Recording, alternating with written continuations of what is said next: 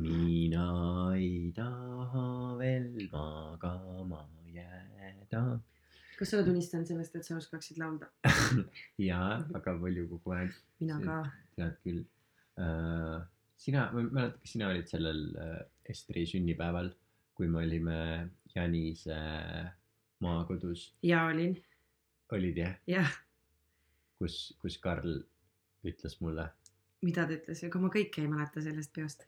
No sellel sünnipäeval äh, me seisime seal äh, laua, suure laua ümber kuskil elutoas või söögitoas või mis iganes nendes veidrates majades need tubade nimed on.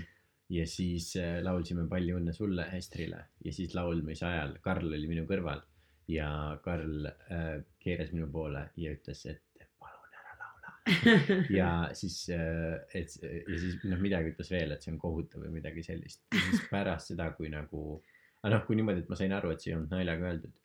ja siis, kui äh, see laulmine läbi oli, siis ta pärast nagu veel teiste inimeste ees ütles mulle, et, et ausalt ka, et see on täiesti kohutav, kuidas, kuidas Sest laulab.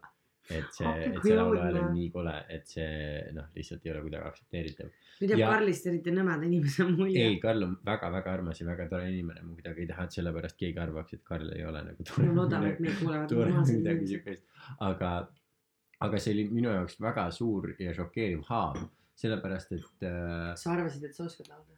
no okei okay,, see kogu lugu saab alguse sellest, et mina nagu mitte nagu enamused lapsed käisin Waldorf koolis. ja Waldorf koolis, oh, oh issand jumal, see tee on nii maitsev.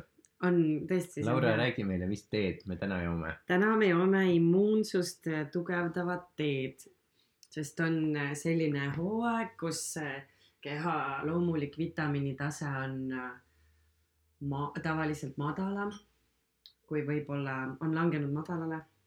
päikest pole ammu näinud. ja siis äh, on hea juua jõuludeks saadud immuunsust tugevdavat teed. ja see on tõesti, see on täiesti suurepärase maitsega kõikidele kuulajatele soovitame. aga minu jutu juurde tagasi. Ühesõnaga minule ja see see ei oli. ole, see, see podcast ei ole sponsoreeritud immuunsust tugevdava tee poolt. ja meil ei ole mitte mingisugust afili-, afiliatsiooni, see on kusjuures sponsoreeritud jõuluvana poolt, sest et ma sain selle jõulupakist. nii et soomlast, nii et All of a sudden on meil sponsorid. sponsorid, kes ei ole ka meie ainukesed sponsorid, sellepärast et äh, küsin teilt, kuulajad, kas olete tüdinenud söömast šokolaadi, mis on ristkülikujuline? noh, mina näiteks küll olen, aga ärge kartke, sellepärast et äh, Tallinna Rahvaülikool on välja tulnud omaenda nimeliste šokolaadidega, mis on kandilised. šokolaadi nimi on Tallinna Rahvaülikool ja äh, on siis viiegrammine kandiline šokolaad. Need on nii tumedad kui ka piimašokolaadi varianti ja koostisosadeks on suhkur, kakaovõi, piim äh,, ei, vabandust, ei lugenud, see on teine äh,, teise reani jõudnud. no näed, tõi mahu ruudu peal ära. terve piimapulber, kakaomass. täispiimapulber on see Tä- tegelikult, mitte terve ma ei piimapulber. teadnud, kuidas seda eesti keelde tõlkida. terve piimapulber. ja siis äh, äh, see soi äh,, soiletsitiin ja, ja äh, van-. Vaniljet, vaniljet on kasutatud siis äh, maitseaineks. ei, vanilliini, see on teine asi. on või? Jah. okei okay,, väga halb selles suhtes, et väga halba reklaami teen praegu Tallinna Rahvaülikooli šokolaadile.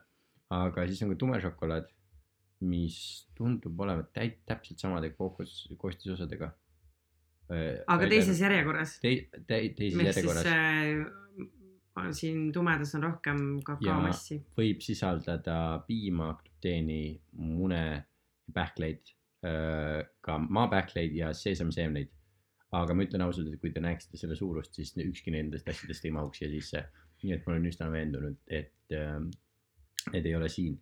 ja see on, see on kaks korda kaks sentimeetrit Laura, sina oled juba ka maitsnud meie sponsori šokolaade, ja tumedat maitsesin. mis on esimene mulje? Mm, rahuldav, no näed, täiesti rahuldav äh, šokolaad, see on kõik see, mida sa ootaksid ühest šokolaadist, mille nimi on square chocolate.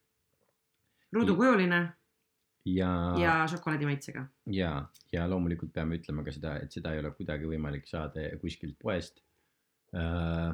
ainukene viis seda saada on minna Tallinna Rahvaülikooli mõnele kursusele, loengule, seminarile, töötuppa. Ja kui siis sealne äh, instruktor on äh, piisavalt äh, eeltööd teinud, siis on teil seal laua keskel mõned Tallinna Rahvaülikooli kandilised šokolaadid, nii piima kui ka tumedad. aga ühesõnaga, et minnes oota nüüd siis minnes, enne kui me läheme tagasi selle teema juurde, mis pooleli jäi äh,.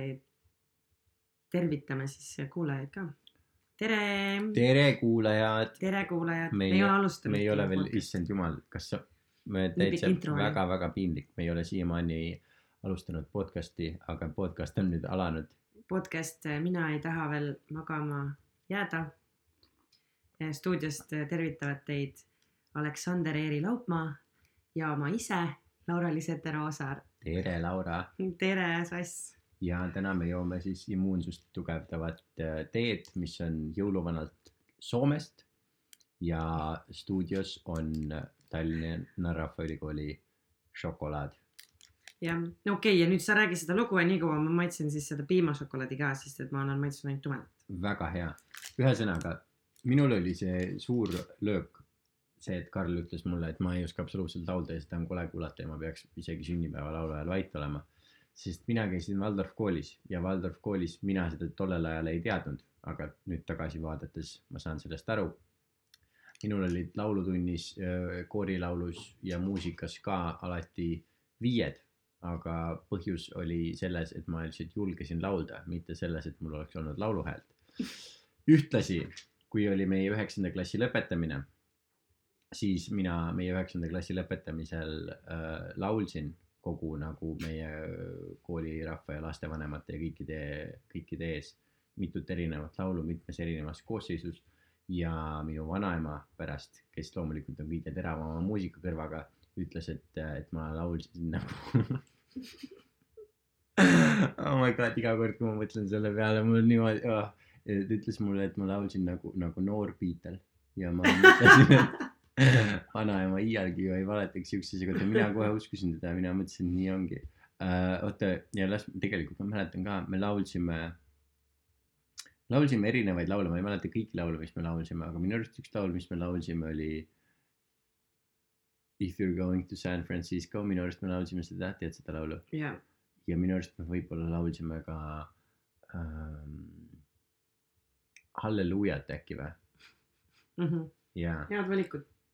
ja, ja ühesõnaga, nii et mina olin täiesti veendunud olnud aastaid, aastaid ja aastaid, et mul on kaunis lauluhääl ja ma laulan äh, kaunilt. Aga siis Karl purustas selle. illusiooni. selle, olgem ausad, see tegemist oli illusiooniga, aga see oli väga valus, aga noh, mingisugune osa, eks minust mingi väike lootuse kiir siiski oli. aga siis, mis oli aasta või kaks pärast seda, oli see, kus ma liitusin äh, lasteteatriga ja seal nad küsisid mult, kas ma oskan laulda. ma arvan, ma pigem ütlesin neile, et, ei, et ma ei nagu pigem ei oska, eks ole. Aga siis, kui ma ka nagu proovisin, sest seal igas etenduses, eks ole, üks laul on vähemalt, eks ole, millega sa etenduse lõpetad, aga vahepeal ka nagu etenduse keskel ja nii edasi. ja ühesõnaga, kui ma seda nagu ära proovisin, siis äh, mulle kohe tõmmati täielik cancel peale ja öeldi, et nagu noh, liiguta suud või laula hästi vaikselt. et äh, ühesõnaga, ma olen väga palju unistanud, et ma oskaks laulda ja ma tihtipeale laulan, kui ma olen üksi ja tunnen ennast väga hästi. aga sellega see on piirdunud siiamaani. No ega selles mõttes, ega kõiges ei saagi ju andekas olla. ja aga ma tahaks millestki. saaks kasvõi selle ühe asja, oleks juba nii palju parem. no aga kas sa, kas sa arvad, et sul ei ole ühtegi talenti? arvan, et on. mina arvan, et äh, minu talent on see, et ma saan mingit äh, süsteemidest saan kiiresti aru. nagu kui mul on vaja midagi selgeks saada, siis ma võin üsna kiiresti mingi asja selgeks saada. Mitte laulmise. kiire õppija.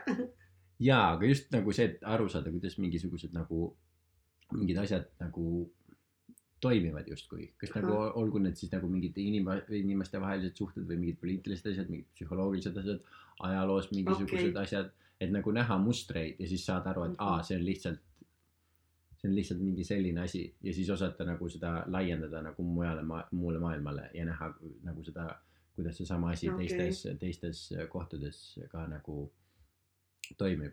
et ma usun, et see on ainuke asi, mis mul nii-öelda nagu kaasa, kaasa nagu antud, kaasa pandi. mis ka ja kaasa pandi äh,. aga kas, kas sina oskad laulda üldse või, ma ei tea.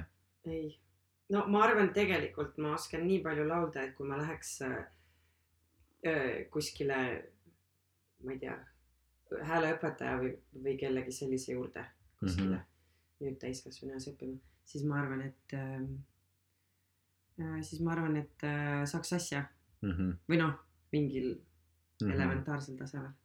aga kuna mulle, minu mäletamist mööda, mööda öeldi pärast esimest äh, muusikakoolis veedetud päeva. tähendab, mulle seda ei öeldud, aga ma kuulsin pealt, et seda öeldi mu emale. tähendab, mida siis öeldi, oli see, et ärge teda enam tagasi tooge. aga kuna, kui ma hiljem seda emaga olen arutanud, siis ta ütles, et ähm, see ei olnud pärast üht päeva, see oli pärast ühte aastat, kui ma seal käisin mm.. aga siis oli hoopis see, et kuna see oli Tallinna Muusika Keskkool, siis vist äh, sealt valiti neid, kes peaksid astuma sinna kooli esimesse klassi. aga noh, kes on siis päriselt no nagu andekad mm. musikaalselt, aga ma seda siis ei olnud. aga noh, ühesõnaga mul jäi kõik valesti meelde ja siis ma olin mitukümmend aastat olen olnud traumeeritud. mm.. aga sina arvasid, et see toimus ühe päeva jooksul, tegelikult tuli Mm. välja, et see oli terve aasta see kõlab nagu mingisugune hirmus nagu mingi mälukaotus episood, mis äh, või nagu mingi aga ma mäletan üldse väga vähest oma lapsepõlvest. sellest, kui ma olin viieaastane, kuueaastane, see oli siis. paljud inimesed mäletavad, mina just äh, täna rääkisin enne siia tulemist oma äh, tüdruksõbraga juttu ja siis rääkisin talle sellest, kuidas minu äh, vanem vend äh, õmbles siis äh, selle vana käsitsi õmmeldava Singeri pesu, pesumasina, Singeri õmblusmasinaga läbi minu sõrme meelega jah. Ma ei ole kindel, sest minul on, kuna mina olin üheaastane, minul ei ole mälestust sellest, aga kõik Mhm. teised mu peres mäletavad seda, ütlevad, et see raudselt juhtus. aga nagu ma mõtlen, kas ma tegelikult tahan seda mäletada, ma ei ole, ma ei ole kindel. aga oota, aga sa seda laulmist, kas äh, see, noh, ma ei hakka, eks ole, nimetama, mis koolis sa käisid, see oleks privaatsuse rikkumine, aga kas Jakob Westholmi gümnaasiumis õpetati ka äh,, oli teil muusikatund või laulmistund või? no seal muidugi ma käisin vaid mõned aastad, mitte siis enamuse oma kooliteest. jah, ma käisin muusikaklassis, aga ma olin tavaliste laste pooles. ehk siis mitte seal, ma ei tea, meil olid mingid teised nõudmised vist, ma ei tea, ma eriti ei siis mäleta. kas see võib olla tõsi, et äh, minu ühe eelneva äh, tüdruksõbra ema oli sinu see muusikaõpetaja? ei, sellepärast et äh, ta ei andnud meie, meie klassile, kuna minu, meie, minu klassijuhataja oli muusikaõpetaja, siis meil oli hoopis tema okei okay., aga ma tean küll seda naisterahvast. tema andis hoopis nendele andekatele ei, teisele paralleelile vist üldsegi mm.. Ma ei tea, meil oli, kõikidel oli seesama selles mõttes. Okei. Aga, mingid vist pidid ah,, ja meil oligi kaks rühma oli klassis jah, aga ikkagi sama õpetaja oli. kas, kui sa käisid, vabandust, mul see on hästi lamp teemavahetus, aga lihtsalt kuna sa enne mainisid seda ühte päeva ja ühte aastat, siis äh, mul tuli meelde see, et sina käisid äh, Indias äh, mõned aastad tagasi, eks ole? Kas, kui sa käisid Indias, kas sa pidid seda malaaria äh, vaktsiini ka saama või? ma ei mäleta, et ma oleks seda teinud. okei okay., sellepärast et mul lihtsalt sellega tuli meelde, võib-olla see on tõesti väga lamp teemavahetus. üks meesterahvas käis oma sõpradega Indias reisimas ja Ameerikas antakse, Ameerikas on üks äh, malaaria vaktsiin, mis on Euroopa Liidus keelatud, sellepärast et selle kõrvalnähud on nii tugevad. Ja tripib ära. Eh, no tripib ära täiega, aga see mees eh, võttis seda, noh, sest Ameerikas, eks ole, lubatud võtta lihtsalt enne nagu mingi mis iganes periood enne yeah. Indiasse jõudmist ja siis seal kohal, kohal olles ka. ja siis, mis tal juhtus, mis oli vist kaks tuhat kolmteist või kaks tuhat neliteist aasta midagi sellist. ta oli Indias kuskil mingisuguse linna rongijaamas ja järsku ta ei tea, kes ta on ta ei tea, kus ta on, ta ei tea, mis ta nimi on, ta ei tea, mis ta minevik on, ta ei tea, kes ta sõbrad on, ta ei tea, kustkohast ta pärit on, ta lihtsalt ei tea mitte midagi. ja noh, lihtsalt täielik nagu mälukaotus, täielik isiksuse kaotus, kõik on, kõik on läinud. ja, kas ta rääkida mäletas? ja ta oskas, ta nagu Jah. oskas rääkida seda keelt, mis ta, eks ole, rääkis, aga ta ei teadnud midagi, ta ei teadnud, kes ta vanemad on, ta ei teadnud mm. -hmm. absoluutselt mitte midagi. ja siis ta hakkas siis seal nagu rongijaamas, eks ole, nagu inimeste käest nagu mingi otsima ja uurima nagu ja siis nad proovisid aru saada, eks ole, umbes kus oli, hotellis ta on olnud või mis iganes. ja, ja siis ta mingisuguse, mingisugusel viisil leidis mingite, mingite nädalate ja kuude jooksul, eks ole, oma, oma need sõbrad üles, kellega ta koos Indias oli ja siis mingisugune hetk ta vist sai, sai ka Ameerikasse tagasi ja siis ta oli haiglas pikka aega ja teda ühesõnaga nagu prooviti seda nagu kuidagi nagu ravida. Aga tal oli niimoodi, et tal oli nagu aastaid, tal olid nagu väga-väga tugevad hallutsinatsioonid ja ta räägib nagu mingi oota, aga tal mälu tuli tagasi või? ühesõnaga tal lõpuks tuli mälu tagasi, miks ma seda lugu räägin, on sellepärast, et ta kirjutas, ta andis välja raamatu, mille nimi on The answer to the riddle is me. ehk siis nagu mm. -hmm. mõistatuse vastus olen mina. kus ta kirjutab sellest kõigest ja äh, see on mingi L-tähega on see ravimi nimi, mingi rets nagu ühesõnaga retsi nimega ravim on see ka. Aga tal oli aastaid nagu mingid retsid, retsid hallutsinatsioonid ja ta ei saanud nagu mitte kotti ka aru ja tal käisid mingid inglid käisid tema ümber laulmas ja talle näitamas mingeid maailmasaladusi ja nagu mingi, mingi täitsa hull värk, eks ole. ja, ja no see on ilmselge, miks Euroopas, eks ole, keelatud on. aga selle sama ravimiga on juhtunud nagu jumala paljudel inimestel niimoodi, et nad on saanud endale mingid siuksed nagu kõrvalnähud ja nad ei ole nendest lahti saanud ja üks tüüp oli niimoodi, kes äh, võttis seda ja ta sai sellest siuksed hallukad, et tal oli, tal oli nagu see, kuidas ta kirjeldas, oli see, et ta oli põhimõtteliselt kolm aastat äh, ta oleks nagu happes olnud äh, mm. -hmm. järjest kogu aeg, päev ja öö, päev ja öö, päev ja öö, päev ja öö ja ta lõpuks ei suutnud seda kannatada enam, siis ta hüppas rongi ette. sellest samast ravimist oli? sellest samast ravimist ja mingi Okei. L-tähega ma- malaariaravim ja mingisugused eestlased ka on, keegi on mulle öelnud, et kas nad on seda võtnud või nad on sellest kuulnud või, või mis iganes. aga ühesõnaga, et äh, see väga tugevalt ei seostunud sinu jutuga, aga see oli ainuke asi, mis mul seostus sellega, kui sa ütlesid, et sa arvasid, et sind päevaga visati muusikatunnist välja, aga tegelikult visati aastaga. no jaa, mälu on äh, üldse veider teema. mälu on bitch. väga valesti mäletame, ma arvan, igasuguseid asju, mis on olnud. ma ei taha öelda asju tegelikult, sest asi on ese, aga siis Mhm. ma sündmusi. tihti jah, kiilun kinni selle koha peal Mm -hmm. või noh, No mitte mina- ei kiilu kinni, vaid ei, ei viitsi vist mõelda kaugemale. mina olen kuulnud seda, et öeldakse, et mälu eesmärk pole asju mäletada nii, nagu nad juhtusid, vaid mälu eesmärk on see, et sa ei teeks samu vigu, mis sa oled varem teinud tulevikus. Et see ei tööta nagu Mm. mm. selle, sellena, et aa ja siis oli, seal mm -hmm. oli Mhm. see roheline auto ja siis ma astusin sellele ette, mis Jah. juhtus see, vaid see töötab ainult sellena, et ära astu enam auto ette. ehk siis selle emotsiooni põhjal, mis sul tekib Ja- reageerides sellele sündmusele.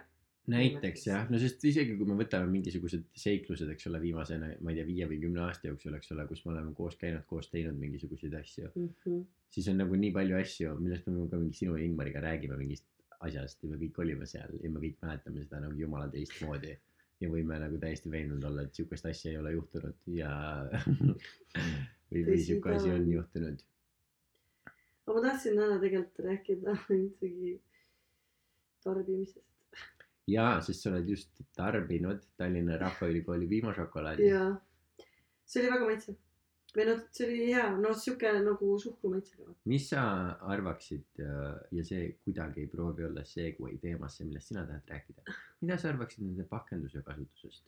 on see, on see võib-olla nagu liiale läinud, kas nad on äh, ökonoomselt kasutanud äh, pakendit või, või saaks, saaks vähemaga hakkama? ma mõtlesin, et pakendasid tundub olevat plastikut, see on šokolaadi sees, see on šokolaadi sisse pandud, see on seal taga mis on kirjas. äh, pigem positiivne. kuid ma kindlasti näen, et seda saaks pakendada äh, raisates vähem äh, ressursse. vot sinnapoole ma rihtisingi. et selles mõttes on see tõesti pisut ähm, liigne. kas sina oled viimasel ajal proovinud oma elus vähem ressursse tarbida? Ja ma olen üritanud vähem ressursse tarbida. kus kohas, kus kohas seda kõige selgemalt, selgemalt näha on? no näiteks viitsid- mul on uus dieet. kas sa võiksid särgi enne selga panna, kui sa rääkima? mul on uusti, et ma söön seda, mida tasuta saab. näiteks, no Nii. tarbin vähem ressursse, ostan vähem asju. pealegi nii palju toitu visatakse igal pool ära. ju. et sa tahad öelda, et sa oled prügikastides käinud võtma ei, ma ei ole nii kaugele veel jõudnud, kuigi see freeganism tundub väga soodne oo, mulle meeldib see uudissõna, ma ei ole seda varem kuulnud. freeganism ja yeah.. ja noh, see võib olla ka seotud, eks ole, teatava sissetulekute vähenemisega ja, või puudusega, Mhm. aga üleüldine uute asjade ostmine on pigem päevakorrast maas. Mhm. okei, ja kui kaua sa tunned, noh, umbkaudu, kui kaua sa oled harrastanud seda? No selles mõttes, et ega ma ju ei ole saavutanud mingit teatavat taset, et ma üldse uusi asju ei ostaks või ei oleks täielikult äh, mingid asjad oma elust äh, välja lõiganud. Näiteks see- üks päev ma ostsin hambapasta, mis oli karbi sees. aga see, et see on sul nagu meele, see on mingi asi, mis nagu käib käib sinuga kaasas just, et see on sinu nii-öelda nagu, see ei ole veel saanud sinu aastat on siis olnud selline nagu teadlikum äh, tarbimise vähendamine okei okay,, aga see um, toidu, toiduasi on minu jaoks väga huvitav, et mis, mis viimasel paaril päeval näiteks, kuidas sinu päevane toitumine on välja näinud, mis sa, mis sa tarbinud no selles mõttes jah, kehvasti, täna ma sõin tohvut, mille ma ostsin poest raha eest. ei saanud seda tasuta. aga noh, siin üks Aga päev sa- ma käisin galal aga onju. enne kui, enne kui sa selle eest maksid, sa proovid seda tasuta saada või? ja siis tuli mingi imelikus kostüümis onu ja ütles, et ma ei või seda endale taskusse pista mm.. väga veider. ta vist ei ole veganismist kuulnud ta. ei ole vist sellest kuulnud jah. aga mis sa, mis sa arvad muidu äh, sellest äh, prügikastist toidu võtmisest? ma arvan, et see on väga mõistlik lähenemine.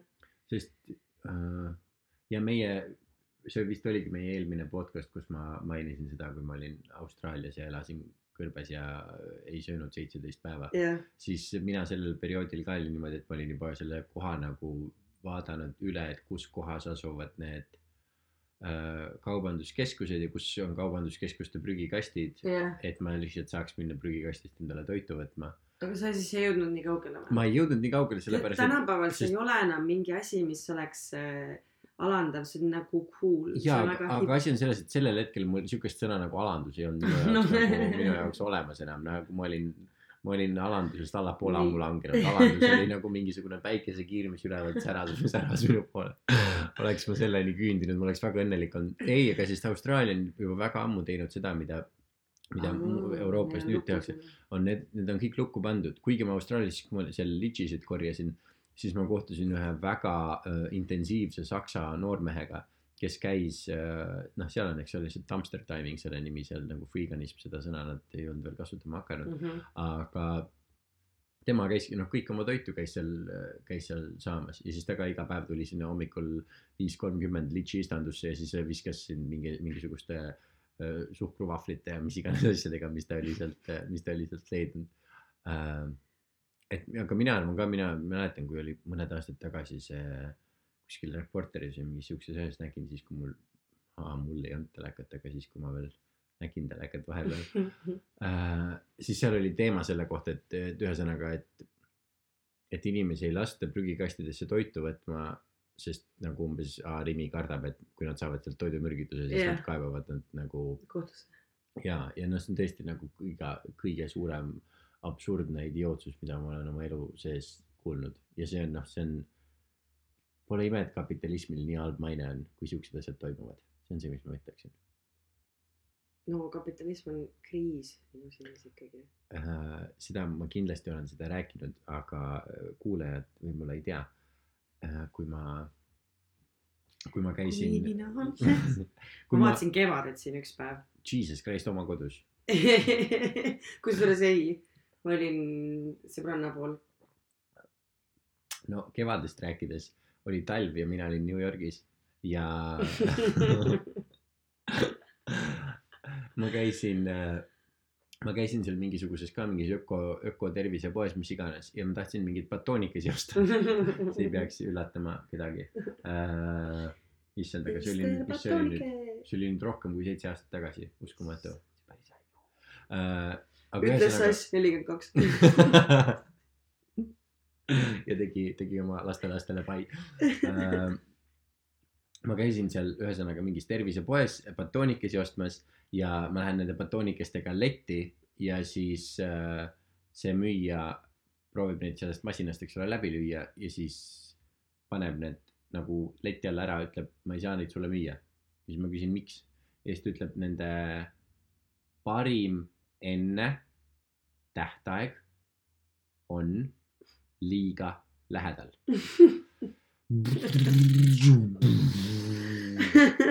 nii, ja siis ta läks sinna nagu selle, selle asja juurde ja võttis sealt terve selle nagu selle ploki, eks ole, kui seal Jah. batoonikesed sees on. ja võttis ja viis need nagu sinna leti alla ja mul oli see, et nagu noh, stopp korraks, eks ole, ja ma vaatasin seda ja selle parim enne, best before kuupäevani oli kolm päeva aega. Best before ei ole isegi kõlblik kuni Mhm., see ei ole use by date, see on best before. ja tema ütles, et ta ei tohi seda mulle müüa, sellepärast et parim enne mitte ei ole veel käes, vaid see on liiga lähedal.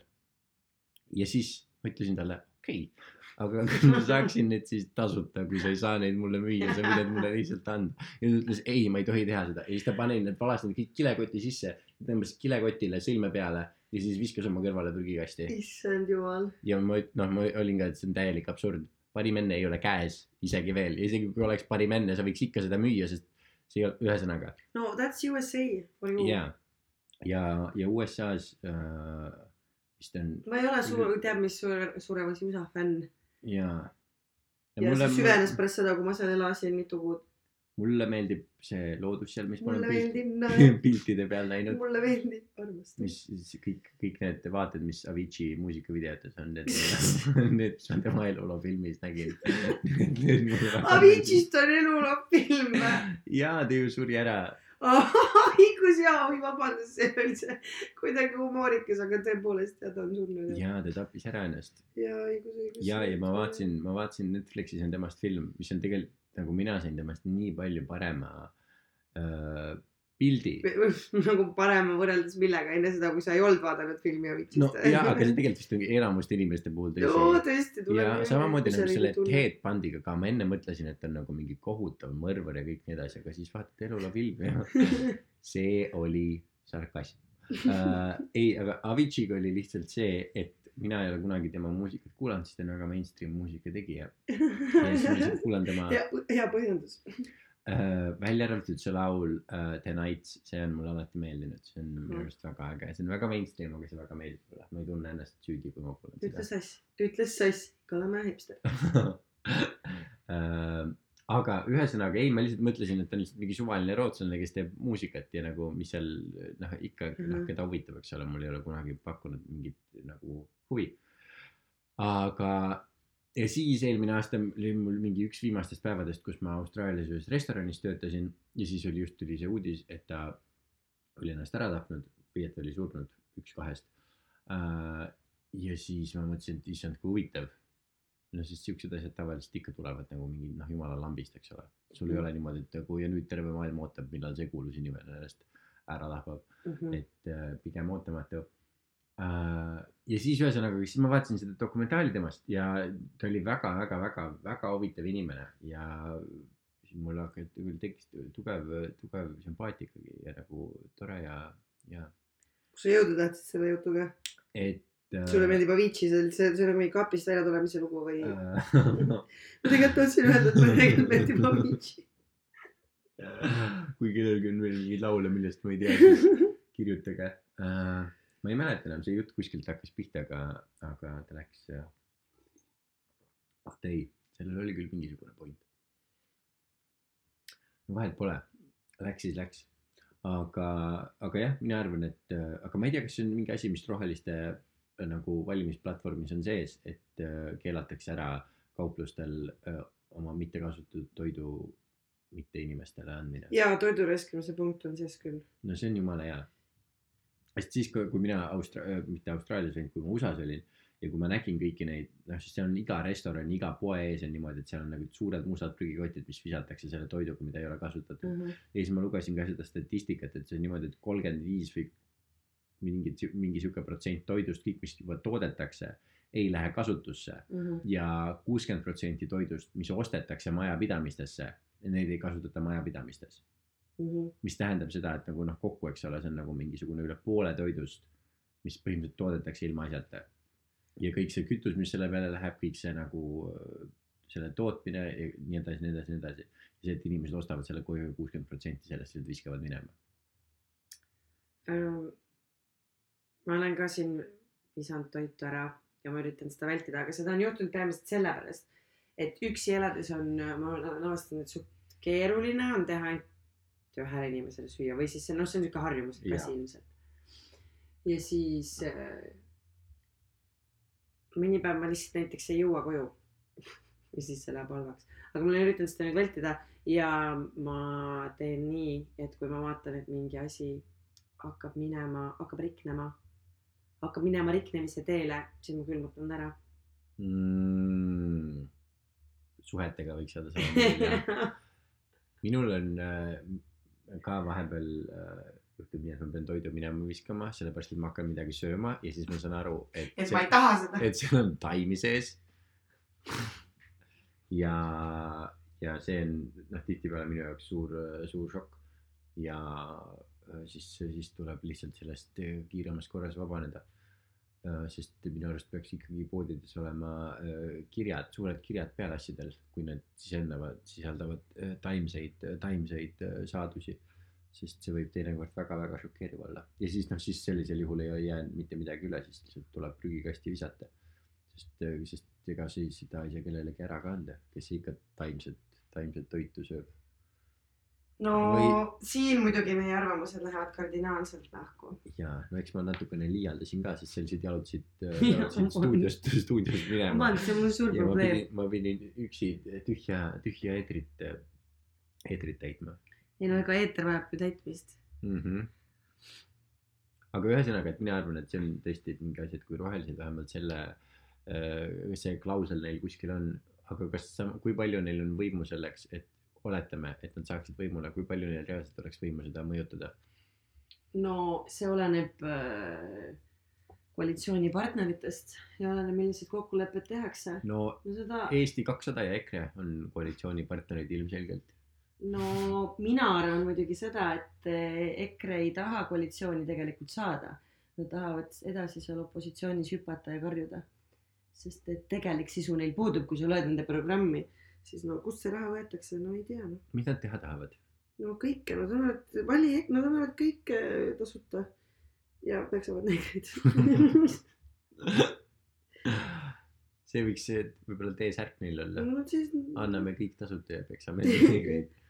no see Anname tuld neil oli ju ko- ka kohalike, kohalik KOV valimistel. või siis anname gaasi nagu, nagu, mis nad tegelikult tahtsid öelda.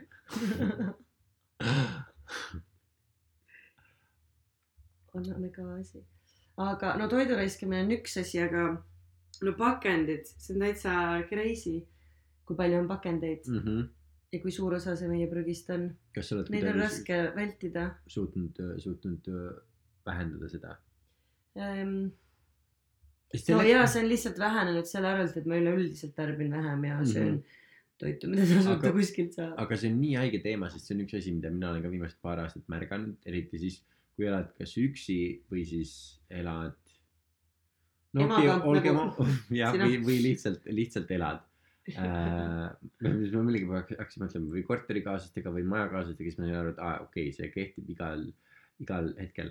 aga ühesõnaga on see, et enamus su prügikasti sisust on pakendid jah, ja sest kõiki asju lihtsalt pakendatakse ja ja, pakendid, pakendid, pakendid ja enamustel asjadel neid pakendeid tegelikult ei ole vaja, ja, eriti nagu banaanile näiteks. ja okei okay,, selle mingid, on mingid inimesed, kes sellele vaidlevad, vaidlevad vastu, sest on mingid inimesed, kes ei saa banaani ise koorida. aga kas Pomm. need inimesed väärivad banaani? ma ei tea, mina küsiksin siin võib-olla tähtsama küsimuse, kui sa saa banaani koorimisega hakkama või siis, et äkki sa saad paluda abi kelleltki. Ja äkki. aga no ma ei tea jah, see on siuke tundlik teema, ma ei tea sellest väga palju. ma tean ja sellepärast ongi hea seda niimoodi to- torkida hästi. või kume sosin olla, siis ja no see on meie nelja silma vahel, Laura, keegi Ahah. ei saa sellest teada.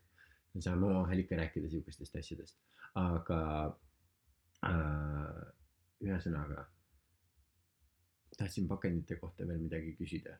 mis teha saab? no ostelda pakendivabalt, aga ja siis viia need ümbertöötlemisse. sest isegi pakendi siis, tegelikult peaks kodus, kui ei ole pakendikonteinerit, noh minu majal ei ole, siis ma peaks need kokku koguma ja siis viima need öö, kuskile pakendikonteinerisse. mul tuli meelde, kus mul on see asi, mis mul vaja on. nii, eeter on jälle tühi. Tallinna Rahvaülikooli kandilised šokolaadid, mis ei ole laiale, laiale massile tarbimiseks. oi, tervist. Laura on tagasi, tagasi stuudiosse, stuudiosse jõudnud.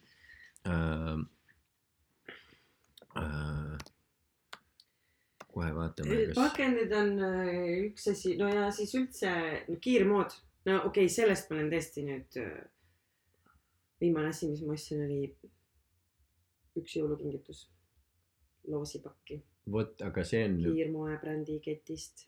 see on üks äh, tõestus sellest, kui fantastiliselt hea oli see Reet Ausi äh, dokumentaalfilm sellest kiirmoest, sest mina isegi ei näinud seda, aga pärast seda, kui see välja tuli, ma ikkagi ei ole kiirmoodi ostnud. aga see oli hea film. see Oli, hästi hea film, ma käisin seda vaatamas. mm.. sest see on ka viimased, viimased, mis on nüüd kaks ja pool aastat, võib-olla isegi natukene kauem. Ma olen ka ainult see särk, mis mul praegu seljas on, mis ma ükskord allahindlusega ostsin ühest kiirmoe, aga see on, sest ma enne seda tõesti, ma ostsin palju, ma ostsin kogu aeg ostsin endale uusi kiirmoe ma ka riideid. tihti, ma ei saa isegi aru, kust ma selle raha sain. aga, ja mina ka nüüd mõtlen selle peale, sest mul ei ole nagu niimoodi, et mul oleks nüüd nagu mingi metsikult palju rohkem raha, et ma kogu aeg riideid ei osta. aga, aga ma- sest mul kogu aeg nagu noh, ikka kogu aeg uued riided, uued riided, uued riided. Kolm korda ütled, siis äh, ei panda pahaks. Aga, aga jaa, see särk on ja sest ma isegi sellepärast tundsin ennast süüdi, aga vahepeal müüakse asju siukse allahindlusega, siis mõtled, et see on seda väärt, aga ma ostsin selle, see ei ole seda väärt, ei tea, aga vastupidi, mõtled, kuidas see toode, mis on tehtud teisel pool maakera, mis on siia ship itud ja lennutatud. Keegi on selle teinud, kuskilt on võetud see materjal, keegi on selle materjali teinud, siis keegi on selle kokku pannud selle, selleks tooteks, keegi on selle disaininud vahepeal. keegi rendib seda poepinda, kus nad seda müüvad ja see maksab kaks eurot. kuidas see võimalik on? no see on Haa? see, see asi, mida ma olen aastaid ja see aastaid kindlasti öelnud ei, ole seda raha väärt. et see on lihtsalt tõestus sellest, et Aasia lapsed on palju töökamad kui valged lapsed. ja noh, ja ma olen nii usin, et muudkui õmblevad, õmblevad, õmblevad. vaata neid, vaata neid iPhone'e ja iPad'e, vaata, mis nad kõik oma väikse viieaastasele kätega teevad niimoodi nii, nii head asjad valmis, saab mänge mängida, saab internetis käia, saab Jah. riidesse panna ja nii edasi. ja siis vaatad siin meil, mis iganes, kus koolis need lapsed käivad, reaalkoolis, Lasnamäe koolis, ühisgümnaasiumis, vahet pole, end joonistavad. viiesed isegi ei käi koolis, no, mida nad teevad? mängivad kuskil muda sees. rääkimata sellest, et neil oleks töö, et nad oskaks Jah. oskaks õmmelda, oskaks tehnoloogiat kokku panna. Nad lihtsalt käivad mudas mängimas ja lasteaias ja arvavad, joonistavad. et raha tuleb puu otsast. arvavad, et raha tuleb puu otsast. just, et, et see on lihtsalt näitab seda Aasia, Aasia rahva töökust minu arust. sa mõtled orjapidamismentaliteeti.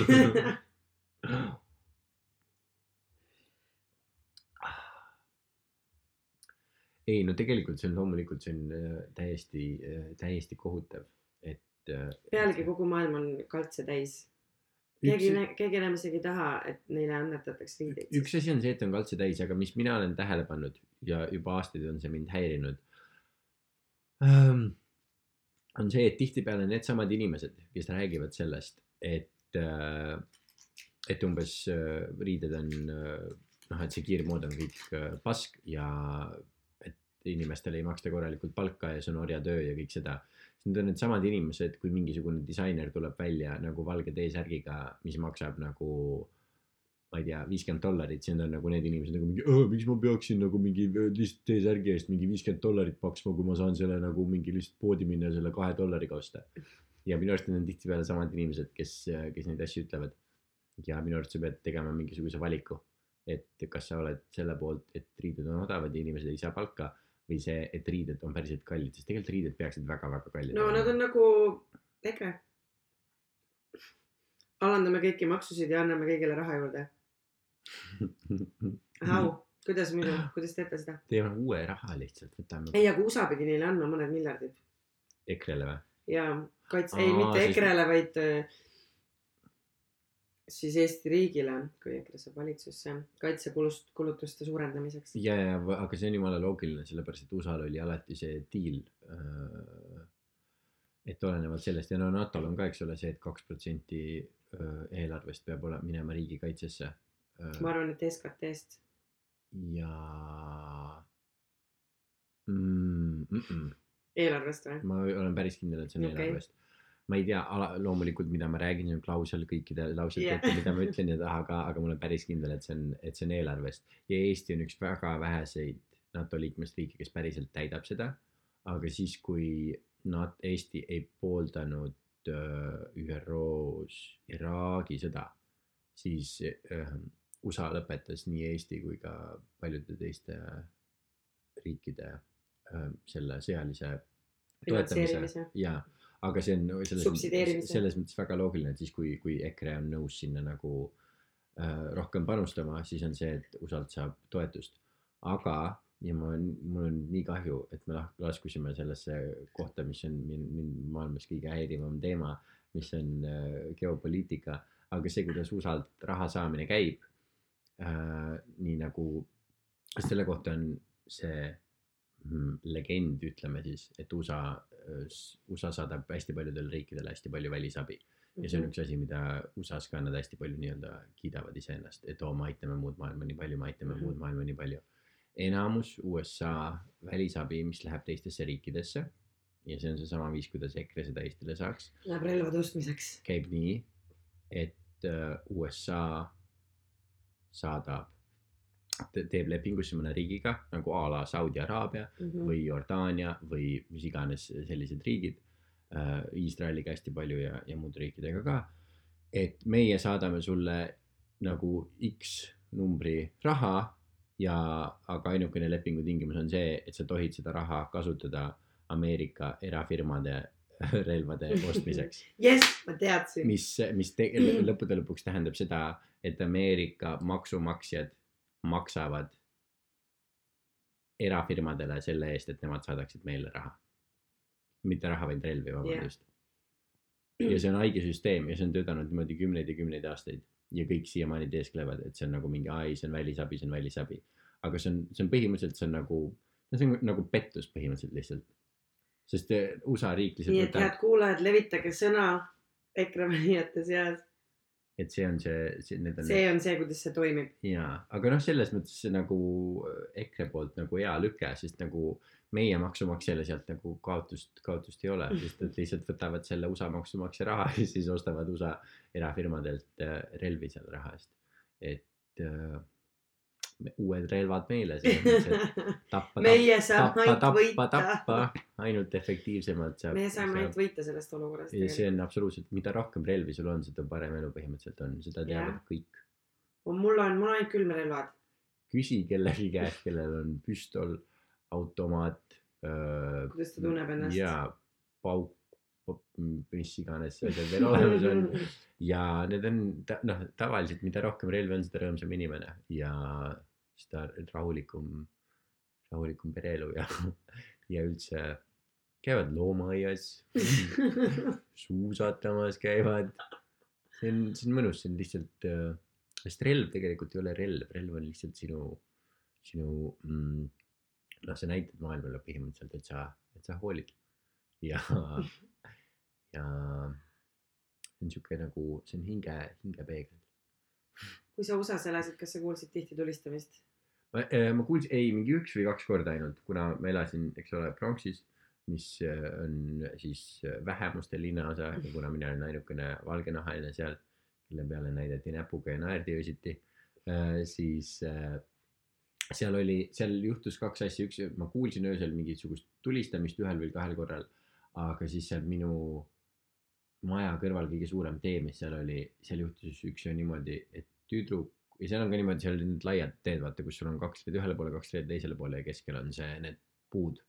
vaata Jah. see, mis, kuidas seda nimetatakse, allee. allee ja ja, ja siis üks tüdruk just jalutas sealt üle ja siis üks auto oleks talle peaaegu otsa sõitnud ja siis ta nagu täiega ehmatas ja hüppas nagu, hüppas tee pealt eest ära ja siis helistas oma emale ja ütles, et oh, jesus christ, ema, ma oleks just peaaegu autole jäänud ja siis sel ajal, kui ta telefoniga rääkis, jäi auto alla.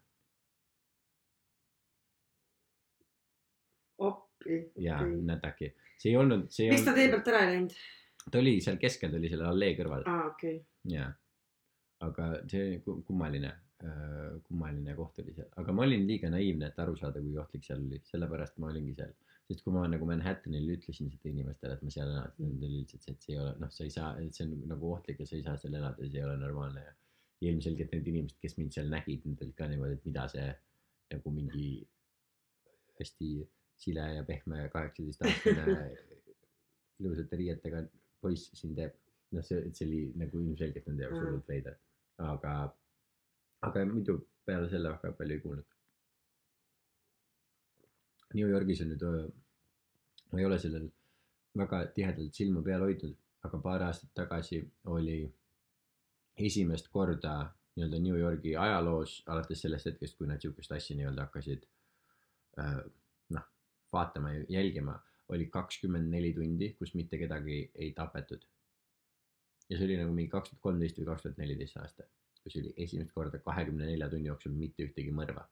ja siis ma mäletan, ma lugesin ja lugesin seda nagu äh, seda uudist ja siis äh, mõned tunnid hiljem tuli uus uudis, et nagu mingi, aa ja nüüd on kolm inimest tapetud. et, et seal on, see on tegelikult noh, see on üks, kuna see on nii tiheda, tiheda populatsiooniga linn, siis seal on noh, kuritegevus on tegelikult nagu rets. nojah, see on loogiline ka. aga siis, aga siis mingi, mingi kord nüüd äh, viimase paari aasta jooksul ma mäletan ka oli uudis, kus oli see, et kas kahe ööpäeva või kolme ööpäeva jooksul oli see, et ei toimunud mitte ühtegi mõrva, mis oli noh, fantastiline. ma ei teagi, palju mõrvu Eestis toimub. nagu noh, kui need välja jätta, mis sina äsja korraldanud oled, siis ega seal väga palju, väga palju alles ei jäägi. aga sest see on päris haige, kujutad ette, sa oled linnas ja kui sa oled nagu mingisugune, kas kiirabis või politseis, siis on see, et nagu iga päev, see, see on juba sinu nagu reaalsus, et iga päev keegi nagu sureb, on tapetud, mis iganes, eks ole. Eestis on see, kui keegi jääb nagu mingi, kui keegi isegi saab autolt löögi, keegi jääb trammist maha või nagu mingisugune bu- bussijuks paneb bussiuksed natuke liiga vara kinni. ja sul, sul on nagu mingi Õhtuleht, Ekspress, Eesti Päevaleht, Postimees, kõik on nagu mingi okei okay,, sellest rääkides, mida siis sina arvad Smilersi nimelisest trammist? kas me ei rääkinud sellest juba eelmine, eelmises podcast'is või? issand, kas me rääkisime minu arust okay. rääkisime küll jaa oh,? ja rääkisime ma, ja, ja ma just. ma ei ole see, ma ühesõnaga mu hing ei ole rahu leid-, rahu, rahu leidnud selle teema koha pealt. lahu reidnud. rahu leidnud. jaa, minul ka mitte, ma nägin seda just, kui me käisime üleeile Margitiga kokku saamas, siis ma nägin ka seda Smilersi trammi ja siis, ja siis ma arvasin, et ma hakkan rääkima midagi nagu, mida ma varem ei ole rääkinud ja siis ma sain aru, et ma räägin sedasama juttu, mis ma, mis ma olin, põhimõtteliselt sama juttu, mis ma olin sinuga podcast'is juba rääkinud. Aga nagu selles mõttes, et, et vaata Eestis isegi mingisugused nii pisikesed asjad on see, et need on nagu nii-öelda noh, NÖ rahvuslikud uudised selles mõttes No, et nad päriselt aga... ei ole, aga nad on, sest neist kirjutatakse. aga, aga seda reaalselt, et keegi sureb või keegi tapetakse, seda juhtub nagu üli-üli-üliharva.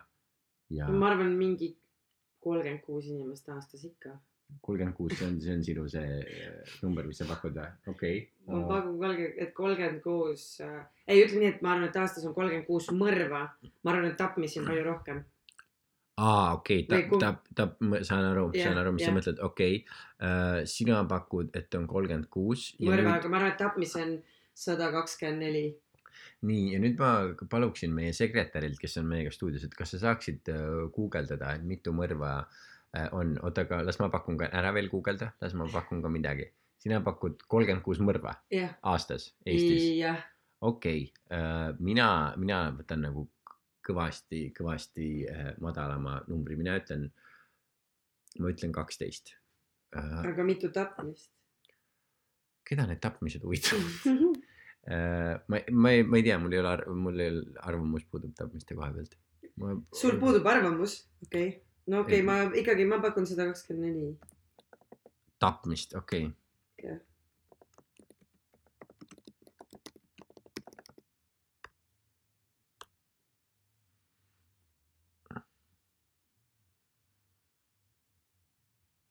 mm.. okei okay., nii. tõn-tõn-tõn see on siis sekretär, sekretär. reporter Fred Püss on kirjutanud kümnendal detsembril kaks tuhat kaheksateist. tänavu on Eestis toime pandud kolmkümmend üheksa tapmist ja tapmiskatset. enim tapmisi toob kaasa joomine. okei okay,, ühesõnaga ma panin mööda veits. aga mõrv, mõrvasid ei ole välja tulnud. okei okay., need on kõik ühesõnaga Eesti politsei siis või vähemalt see, mis nagu siin meedias kajastatakse, siis tapmisi, mõrvade ja tapmis- ja mõrvakatsete arvu loetakse nagu, ühte. loetakse ühte ja kahe tuhande kolmandal aastal oli see number sada kaheksakümmend kaheksa ja viisteist aastat hiljem kolmkümmend üheksa. See on nagu mingi neljakordne langus, see on päris no. me oleme äkki eurooplasteks saanud. vaikselt põhja, põhjaeurooplasteks oleme vaikselt saanud. et äh, selles mõttes, selles mõttes, et nagu no niimoodi, kui seda statistikat lugeda, võib mõelda, et see on võib-olla positiivne, aga mõtle, kui palju on nagu mingisuguseid naabreid, kes hästi-hästi vaikselt kahekümne, kakskümmend aastat lihtsalt tüütavad iga päev sind oma jutuga ja niimoodi sind tapavad. kus see statistika on? Peaks tegema, peaks tellima sellise uuringu, kui paljud eestlased päriselt oma naabreid äh, vihkavad. jaa, aga ma arvan, asi isegi äkki me murrame selle stereotüübi. ma mõtlen jah, sest kui palju on nagu mingeid siukseid pisikesi asju, mis iga päeva, iga päev toimuvad, mis natukene su hinge lihtsalt murravad. Neid on nii palju natuke,. mis juhtub sotsiaalmeedias, eks ole, mis juhtub, kui sa nagu väljas käid, mis juhtub naabritega, mis juhtub sugulaste, vanematega, mis iganes. kui sa varba ära lööd. ja kui sa varba ära lööd, eks ole, ja siis tegelikult võib välja tulla, et nagu enamused surmad on sihukeste asjade põhjustatud. aga kuna keegi ei arvesta neid nagu sisse sellesse, siis võib tekkida tunne, et on lihtsalt tead tapmised ja südamehaigused ja kõik see. aga no no, arvan, stressi ikkagi Eestis loetakse ka tervist kahjustavaks teguriks. see on kusjuures üks asi, mis mind äh, tõesti imestab, et äh, nagu kõikide nende puudujääkide juures, mis meie tervisesüsteemis on, siis see on vähemalt üks asi, millest on aru saadud, et stress on päriselt mingisugune asi ja see on päriselt asi, millega nagu, mis inimesele liiga teeb. ja, ja depressioon sam-, samuti, selle nimel on kõvasti vaeva nähtud, et ähm, nähtakse, et see on haigus mm. -hmm. meeleoluseisund või midagi muud. jaa, aga, aga nojah, just, aga, aga, aga stressi, stressi puhul mulle see meeldib eriti, sest see on nagu, et tunnistatakse seda, et, et sellele, et sa lihtsalt ei tunne ennast hästi, on negatiivsed nagu tagajärjed. kuigi see on nagu nii obvious asi, kui sa mõtled selle peale, siis on see, et mingi "Õõ", ilmselgelt on nii, aga, aga see, et noh, soovitatakse, et nagu no, tuleb vähendada stressi, tuleb, tuleb seda, ma arvan, et seda, et kuidas seda teha, seda inimesed ei oska ja arstid ei oska sulle soovitada tegelikult neid obvious asju on väga palju, mis meie jaoks on obvious ja siis kohtud päevast päeva inimestega ja mõtled, et appike. Need, need ei, teil ei olegi loogilist mõtlemist ja teie jaoks ei olegi ilmselgeid asju. jaa, aga nii paljude probleemidega on ju niimoodi, et sa noh, endale tunduvad mingite asjade lahendused nii nagu ilmselged. ja eks siis me peaksime olema tolerantsemad. ja ma tean, aga siis juhtub lihtsalt see, et sa noh, ongi mingisugune probleem, presenteerib ennast sulle ja sul on niimoodi mingi oo tere probleem. mina tean küll, kuidas sinuga tegeleda, sest ma olen sind varem näinud ja ma olen lugenud ja ma natukene mõistan asju ja tegelen sinuga ära ja probleem ütleb sulle, et aitäh, Laura, tšau eks ole, ja siis on mingid probleemid, eks ole. õigemini mingid inimesed, kellel tuleb ellu mingi tere, mina olen probleem. ja nad on, võib vabalt olla nagu mingi probleem, millega sina tegeleksid nagu kas viie minuti või viie päeva mm -hmm. või Mhm. nagu viie nädala jooksul, siis on niimoodi, et kakskümmend viis aastat hiljem neil on see, et ja siis tuli see probleem ja nagu kõik nagu läinud ja maja ja kõik kadunud ja hea ka ei ole. et vaat noh, kõlab nagu alkoholism. Noh näiteks selles suhtes see on võib-olla halb okei, jah, see võib olla Aga- ka jah mingi ja, ja sest ma arvan, et alkoholism ei ole tegelikult, tegelikult. probleem, vaid haigus. ja just, see on Jah. sümptom, ma ei arva, et see on haigus, ma arvan, et see on sümptom. ma arvan, et see on, see on katse probleemi, probleemile lahendust leida. mm,. vist tõesti jah, ma olen sinuga nõus. ja ma arvan, väga hästi öeldud. ma arvan, et see on väga sarnane sellele, kuidas on nagu mingi noh, samamoodi öeldakse, et Eestis on fentanüüli probleem. ma ei usu, et Eestis on fentanüüli probleem, ma arvan, et Eestis on valuprobleem ja, ja vaesusprobleem. ja, ja valu on see, mis paneb inimest endale fentanüüli süstima, mitte see, et fentanüül on üks nii tead õudne asi ja Aa, muidugi meie valimisprogrammis on sees ka narkopoliitika reformimine, mis keskendub peaasjalikult äh, sõltlase mm, ümberkujutamisele siis meie teadvuses äh, haigeks inimeseks äh, kurjategijast, kurjategijast haigeks inimeseks, Mhm. No kes arvan- vajab abi. mina arvan, et see on esimene samm, et kurjategijast haigeks inimeseks, aga siis saad aru, et tegelikult uus kampaanias, valimisslaugan oli rohelisi kurjategi, kurjategijast äh, äh, haigeks haigeks. ja siis sellest järgmine kampaania nelja aasta pärast on ma pole haige, ma ei kutsu. Ei Ja-, sest mi- okei, ma arvan, et see on väga hea esimene samm, et ei ole kurjategija, vaid on haige, aga sellest järgmine samm, millest on vaja aru saada, on see, et äh, need inimesed, kes tarvitavad fentanüüli või alkoholi, ei ole kuidagi rohkem haigemad kui need inimesed, kes nagu ma ei tea, sada tundi nädalas tööd teevad või, või mis iganes muul viisil nagu ennast välja elavad, sest lõppude lõpuks olgu see alkoholism, olgu see fentanüül, olgu see naise peksmine või äh, mis iganes neljas või viies asi, siis on, see on see, et inimesel on nagu valus ja tal on halb ja ta proovib leida mingit lahendust oma valule ja halva, sest ükski õnnelik inimene ei joo hommikust õhtuni alkoholi, ükski õnnelik inimene ei käi end nagu fentanüüli süstimas ja ükski õnnelik inimene ei käi oma naist peksmas.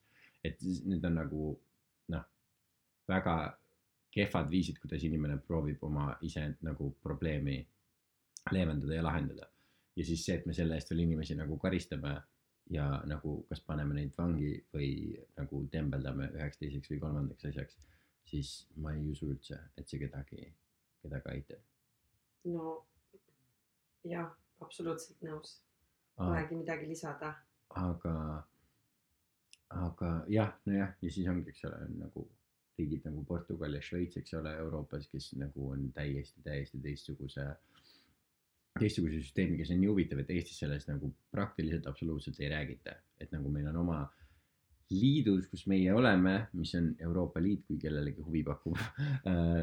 ja, ja on riigid, kes nagu äh, keskenduvad narkootikumidele, alkoholile ja sõltuvustele, sellistele asjadele täiesti teise pilguga kui meie ja kus on reaalselt nagu tulemusi näha ja me nagu ei räägi sellest, me ei võta seda kuulda, me ei tee mitte midagi, sest samamoodi nagu meil on, eks ole, fentanüüli probleem.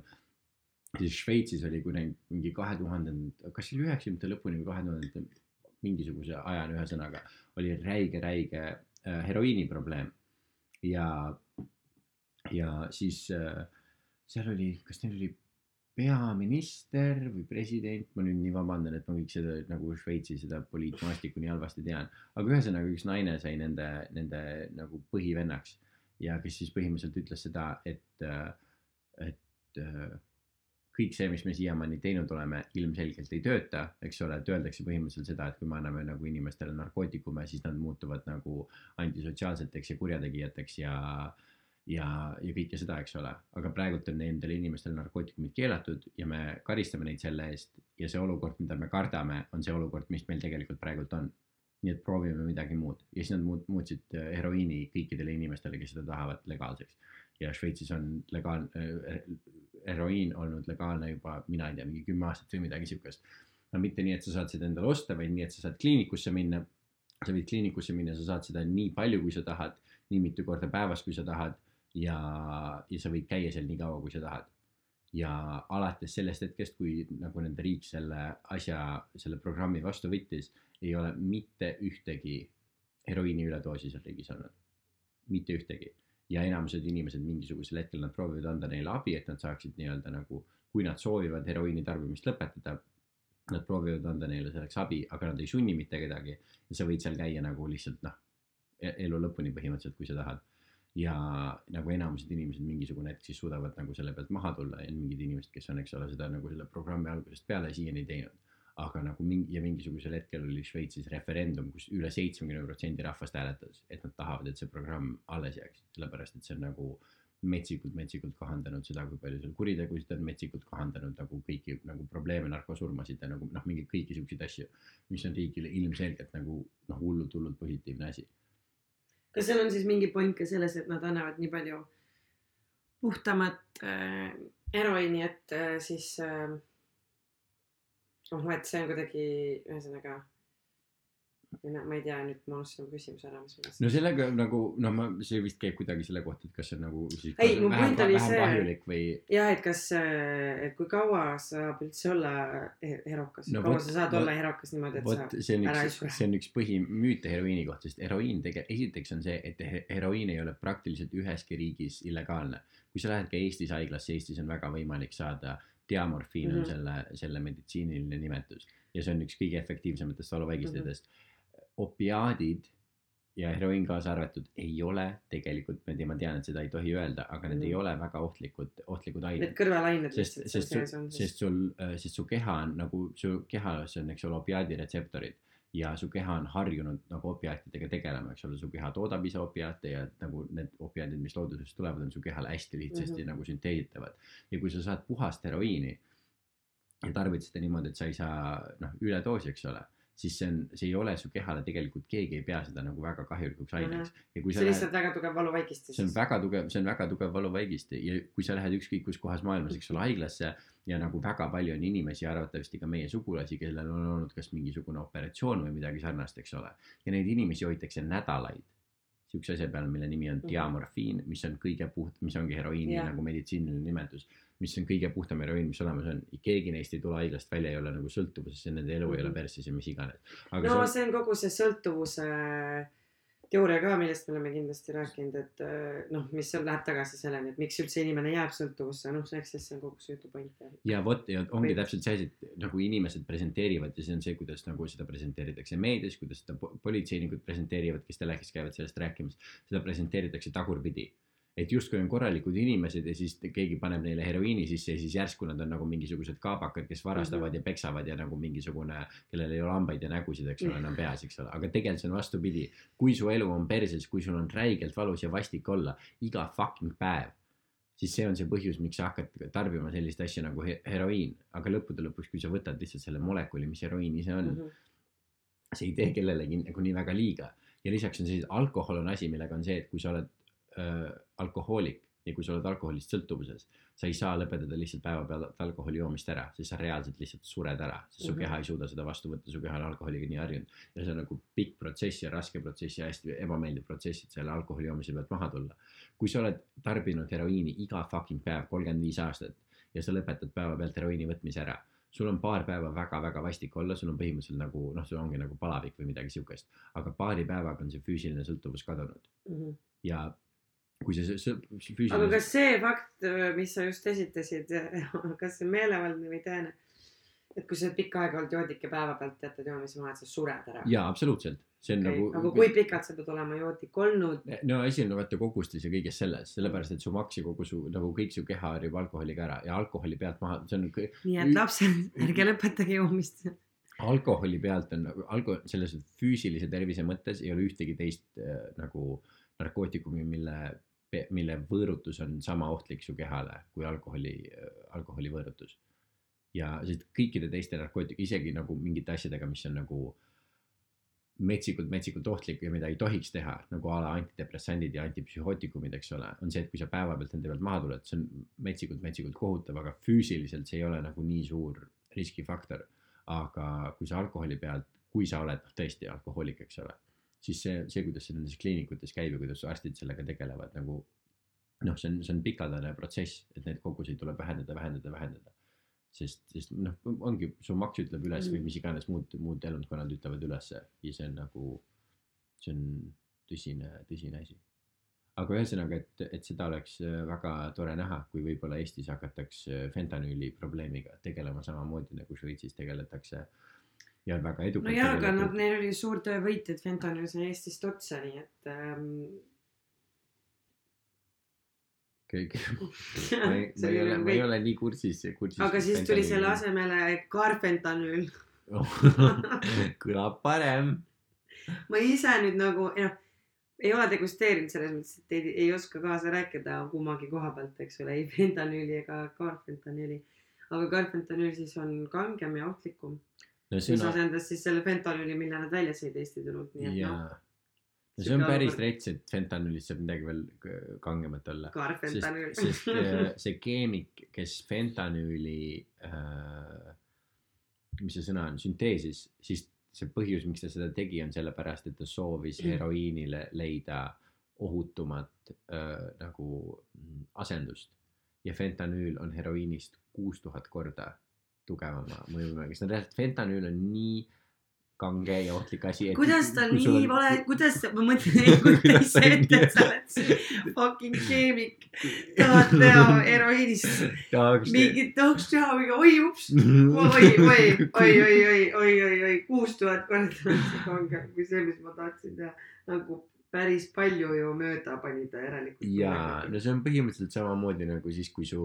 ta ise auludes kohe ta kui su, kui su lapsel on nagu hästi-hästi ilus nagu see äh, Kaisu ükssarvik, eks ole, ja siis äh, ja siis see on natukene katki läinud niimoodi, et vati tuleb välja ja siis sul on, sa mõtled see, et okei okay,, ma teen talle uue, mis on niimoodi natukene nagu tugevam ja turvalisem, et ei tule vatt välja. ja siis kiirraud läbaga. et, et ta läks, läks selle, selle fentanüüliga, ta läks jah sutsu see aga nagu sitta sa saad aru, kui sa oled seal suurendusklaasiga, eks ole, vaatad, vaatad neid molekule, mis lendavad ringi. mina ka ei saaks aru, mida ma teen. ja aga, aga kas ta on elus veel või? ja ta läks, ta läks pikaks ajaks vangi ja sellepärast, et ta fentanüüli sü- sü- sünteesis. ja sellepärast, et ta tegi seda, ta tegi seda äh, nagu illegaalselt põhimõtteliselt, ta saatis selle nagu illegaalselt ka turule ja ühesõnaga sellega oli mingi pikk gamma ja, ja ta oli väga-väga pikka aega vangis, nüüd ta on vangist äh,, vangist väljas. või kas ma peaks ütlema vanglast, kas, kui ma ütlen vangist väljas. on ju jälle vangist väljas. kas see on jälle eesti Ma ei- keele ma ei tea, kumb õige on. mm,? no vanglast on kindlasti õige, aga vangist, sest vang on ju see, kes ise on, ise, vang on no see, kes on vangla vanglas,. vangla on asutus, nii et vanglast väljas. täpselt aga ma arvan, et vangist on siis lühend sõnast vangimaja. vangimaja, vang, vangist. vangi, vangimaja. no aga kui sa oled, Vangimaja. kui sa oled juba vanglas käinud ja siis saad endale maja, kas ei ole ka mitte vangimaja? ja aga mitte kokku kirjutatud, sest ta on omastavas käändes. Kelle maja, vangimaja, on mitte mis asi. või kas see on lihtsalt see, kui keegi kunagi nagu läks vanglasse või kellegi laps läks vanglasse ja siis ta tahtis seda kuidagi nagu paremini kõlama panna. ta ei ole vanglas, ta on vangimajas Vangimaja. ma arvan, et see võib olla küll mingi lasteraamatu väljend. mm,. kõlab sihuke üsna diminutiivselt. baaris tööl siin nädalavahetusel ja siis ähm, selline seadus on, et ei tohi klaastaarat välja anda baarist ja siis inimesed hästi palju nagu võitlevad selle vastu. nagu iga, igas kohas on okei okay,, tegelikult ma ei tea, kas see on seadus No aga suurüritustel minu arust ma nagu jaa. sündmustel, üritusi ei tohi ka tegelikult öelda, sest üritus on ma tean, mul on. Läbikukkumine. ja, sündmus oli siis üks äh, üritus on jah katse. tähendab, sellel lool ei olegi mingit pointi. ühesõnaga see mees vaidles minuga pikalt, ütles, et oo, et ei nagu, et kas ma olen mõrtsuka näoga No. nii et nagu äh,. Mm, kas ma olen selle näoga, et ma tahan kaheksateist tuhat eurot trahvi maksta, olenemata sellest, kas sa oled mõrtsukas või mitte? või et äh, ma ei tea, oled muidu näinud millised mõrtsukad välja näevad või Jaa. ei ole nagu mingi, Jaa. oo, ta on mõrtsuka näoga. Jaa. nagu oo, seal on ju mõrtsukas. ma kõigile annan klaastaaret, aga sulle ma ei anna, sest sa oled mõrtsuka näoga. ja nagu minu arust see point, kuhu sa tahtsid jõuda, on see, et nagu, et fentanüül on ikkagi ohtlikum, isegi kui mõrtsukale klaast ära anda. ja, aga ma mõtlen, et selles mõttes see lugu on üldsegi kahtlane, et ta sünteesis selle ohutuma heroiini, kas ta siis ise noh, noh ja ta paiskas sellega turule, ehk siis ta, aga kas ta huvitav paiskas selle turule, teades, et see on kuus tuhat korda kangem kui heroiin. vot seal on jällegi see noh, probleem, eks ole, mille ees me praegu seisame, on see, et mina hui mäletangi täpselt, kust ma mingisugust infot, eks ole, saanud olen ja kui keegi kuulajatest teab, siis võib kirjutada meile meili. ja ma tean, ühesõnaga äh, sihuke mees nagu Hamilton Morris, kes on suur äh, narkootikumide uurija, kes on ise keemik, keemik, ta on selle ühe kuulsaima dokumentaalfilmide režissööri Errol Morrise poeg. ja tema, tema okei. tegi, tegi, tema tegi paar aastat tagasi, ta tegi selle mehega intervjuu. ja, ja ma kuulsin, kuulasin, kuidas, kuidas tema nagu rääkis sellest, aga ma ütlen, minu enda nagu teadmised selle fentanüüli alguse kohta äh, piirduvadki sellega, aga samas on see, et fentanüül on nüüd vaata legaalne asi, mida kasutada, prints suri fentanüüli üledoosi, sest seda kasutatakse meditsiinilise valuvaigistina. kas, ma ei teadnud seda. jah, Prints, see laulja, et see Mm. see oli fentanüül, mille kätte tema suri ja veel on sellega ja äh, Tom Petty, see Free see? Fall, Free Falling ja ah, okay. need kõik need laulud, ta suri, eks ole, mis oli kaks aastat tagasi, suri ära ka fentanüül uh,. ja kuigi öeldi, et nagu mingi, mingi vähk või mis iganes, aga ta suri esimesel sel hetkel, kui ta anti fentanüüli valuvaigistiks. Palun keegi kontrollige, kas see fakt, fakt peab paika, minu arust peab. mulle muidugi meeldib, ta ei no kõik ütlevad, et ta suri vähki, aga tegelikult mina tean, et ta suri sellel hetkel, kui talle fentanüüli süstiti. ei, mitte, mitte seda, aga lihtsalt see, et ametlikuks surmapõhjuseks oli pandud see, et nagu, et tal oli mis iganes, oli kas tal oli mingi vähk või mis, mis, mis iganes asi. aga eks ka, organism oli niikuinii nõrgenud. aga siis tuli välja see, et, et ta, et äh, noh, et see oli fentanüül, kui ta, see on nüüd väga piinlik, kui see tõsi ei ole. Printsi kohta see on kindlasti tõsi, seda nagu keegi ei proovinud varjata ka. Aga ühesõnaga, seal on kogu see teema, et ka kui ma kuulsin nagu selle mehe kohta, kes selle, selle nagu, eks, sest ta, sest ta tegi selle, ta pandi vangi, ta oli hästi kaua aega vangis.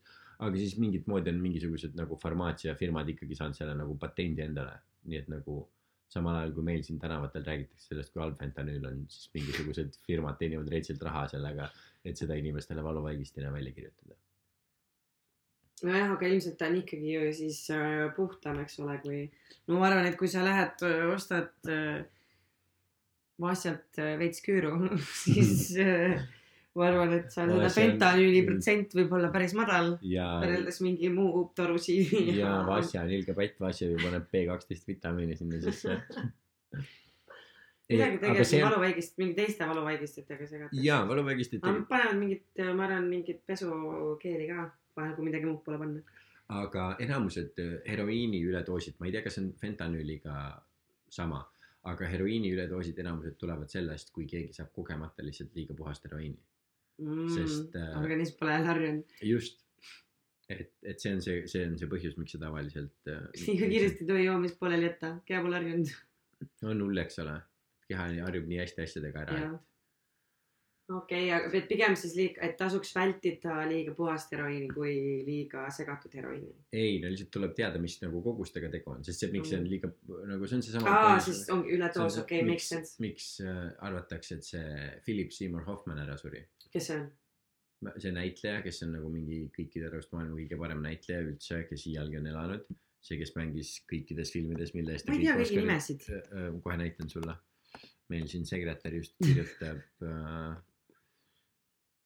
meie kontori, see, vabandust, stuudio siia arvutisse, see mees. oota. okei, ma olen teda näinud küll kuskil. Capote eest vist võitis, võitis selle, selle eest ta võitis selle Oscari. okei noh, ühesõnaga teda peeti üheks nagu kõigi aegade parimaks näitlejaks üldse. nii, mis temaga juhtus? ühesõnaga ja on üks fantastiline intervjuu Aaron Sorkin, kes kirjutas selle, tead, eks ole. tema, jah, teda ma tean absoluutselt muidugi. no ühesõnaga üks, best. üks, üks jah, praeguse aja, eks ole, Hollywoodi kõige hinnatumaid äh, screenwriter eid ja temaga oli intervjuu, ma ei mäleta, kas New York Timesis või mingisuguses muus New Yorgil, New Yorgis baseeruval ajalehel, kus ta rääkis siis mingisugusest äh, üheksakümnendate algusest, kus tal oli Broadway'l olnud üks show, mille ta oli kirjutanud ja samal ajal oli Broadway'l show Philip Seymour Hoffmanil Mhm. ja nad mõlemad teadsid, et nad on olnud äh, sõltlased, sest äh, ühesõnaga kuulsad narkarid teavad, kes on teised kuulsad narkarid põhimõtteliselt. ja, ja siis nad olid kuskil seal tagaruumis mingisugusel, mingisuguse lava tagaruumis äh, üksteist näinud ja siis hakanud rääkima nagu oma äh, narkootikumide aegadest ja sellest, teisest ja kolmandast. ja siis äh, Aaron Sorkin oli olnud lihtsalt kokaiinisõltlane ja ta teadis seda, et Philip Seymour Hoffman oli olnud heroiinisõltlane ja siis ta rääkis, ütles talle seda, et nagu, et, et ma ei saa, noh, ma mõistan seda, kuidas minul sai olla nagu sihuke sõltuvus, eks ole, et ma lihtsalt iga päev tõmban endale mingisugust asja ninna. ja, ja et ma nagu ei suuda ilma selleta elada ja, ja kõik see, eks ole. aga ma ei suuda ette kujutada seda, mis on sihuke sõltuvus, et sa pead ennast süstima iga päev ja siis su veenid kaovad ära. nii et sa pead eh, nagu noh, eks ole, otsima nagu mingi varba vahesse ja silma sisse ja nagu mingi sugutisse endale ja nagu igale poole sellistesse kohtadesse. et kui ma selle peale mõtlen, ma saan äh, aru, missugune nagu argpüks ma olen, et, et ma nagu noh, et kokaiin oli minu jaoks nagu kõik, mis mul vaja oli. Ja Philip Seymour Hoffman ütles talle, jää argpüksiks. niimoodi. ja Philip Seymour Hoffman oli siis põhimõtteliselt pärast seda, ma ei tea, kas see oli kaheksakümnendate lõpp, üheksakümnendate algus, oli mitukümmend aastat ei tarvitanud mitte midagi. ta kõikidel pidudel käis ainult nagu mahlaga ringi ja, ja nii edasi, eks ole. ja siis mingisugusel hetkel, ma ei mäleta, kas tal oli ka mingisugune lahkuminek või tal oli mingisugune teema, aga ühesõnaga ta oli nagu kellelegi, ma ei mäleta, kas ta oli kellelegi öelnud seda või ühesõnaga kuidagimoodi vihjanud sellele, et kui mul peaks midagi juhtuma ja ma peaks nagu taga, uuesti nagu sõltlaseks hakkama, siis ma, see nagu noh, see läheb, läheb nagu perse, et nagu see on halvasti. ja siis ta leiti kaks tuhat neliteist aastal New Yorgis oma korterist niimoodi, et ta oli vannis, eks ole, tal oli heroiinisüstal oli äh, käest väljas ja terve ta sein oli paksult heroiini täis, nii et oli nagu, ta oli tellinud endale lihtsalt nagu kuhjade ja kuhjade ja kuhjade viisi heroiini, nii et oli aru saanud, et okei okay,, ma sattusin sellesse auku tagasi ja et oli teinud peas selle nagu, ta sai aru, et nagu mingi aa ja ma ei tule välja sellest. vaid ma lähen lihtsalt sellega kaasa. aga mis siis tuli välja, kuhu see jutt üldse jõudma peab, on see, et täpselt sellel hetkel, kui tema tagasi oma sõltuvusse sattus, siis oli New Yorki jõudnud just kuskilt mingisugusest kohast, kuna seal on ka mingite kuradi gängide ja maffiate vahelised, eks ole, teemad, siis oli mingisugusest muust kohast jõudnud sinna heroiin, mis oli hästi-hästi palju puhtam kui see heroiin, mis muidu New Yorgist ringi liik- äh,, ringi liikus. nii et väga-väga palju samal ajal, kui oli Philip Seymour Hoffmani üledoos, oli ka teistel inimestel üledoose lihtsalt sellepärast, et see heroiin, mis sellel ajal linna sattus, oli hästi palju tugevam kui see, millega kõik harjunud olid. ja nagu noh, see tundub sama hea teema kui ükskõik missugune muu selleks, et lõpetada meie tänast podcast'i äh, heroiini ja fentanüüli teemalist. jah, pea, peaasjalikult rääkisime siis kangetest äh, narkootikumidest, aga samas ka. natukene ka. freganismist. freganismist ja šokolaadist selles mõttes, et meil balansseeritud, ütleme tasakaalukas, tasakaalukas. no mina olen juba igastahes põnevil, millest me küll järgmine kord vestleme. just ja mina, mina küll ei, ei taha veel magama jääda. aga. mina võib-olla täna tahan. aga selle teema peal on lihtsalt natukene keeruline, aga siis ärge unustage, et meie tänased äh, šokolaadid äh, provide'is meile Tallinna Rahvaülikool ja stuudios oli mõnus põrandakate ja, ja. Jaa. Laura-Liiseta Roosaar ning Aleksander Eeri Laupmaa ja sekretär. ja sekretär, aitäh sekretärile, kes arvutis meile fakte välja otsis ja tšekkis kõik, et kõik oli legitiimne, mis me ütlesime. Ainult need, mis ta viitsis. ainult need, mis ta viitsis jah, tal oli muid asju guugeldage ise. narkootikumid teda huvitavad ja surmad ja need, need, need kõik kaks teemat, mille kohta meie. kirjutage siis meile kirju. ja kuna tal mikrofoni ei ole, siis ta ise ei saa öelda, aga ta Tal ei ole. lehvitab. tal on ka suu kinni teibitud. kus, kus nüüd? rahu, rahu, rahu, viimase bussini on aega küll. nii, aga viimase nussi. Ütlesin viimase bussini. kus, kus sekretär viimase nussini on veel aega küll. issand jumal. ei pääse sa veel kuskile. okei, ärge tulge sekretäri otsima. vabandame kõikide kuulajate ees, et me oleme liiga laisad selle jaoks, et äh, seda osa podcast'ist välja lõigata. kell on juba kümme läbi, nüüd võib kõike öelda. Aga äh, stuudios olid äh, Laura-Liiseta Roosaar ja Aleksandr Eeri Laupmaa ja soovime teile kaunist, kaunist õhtu jätku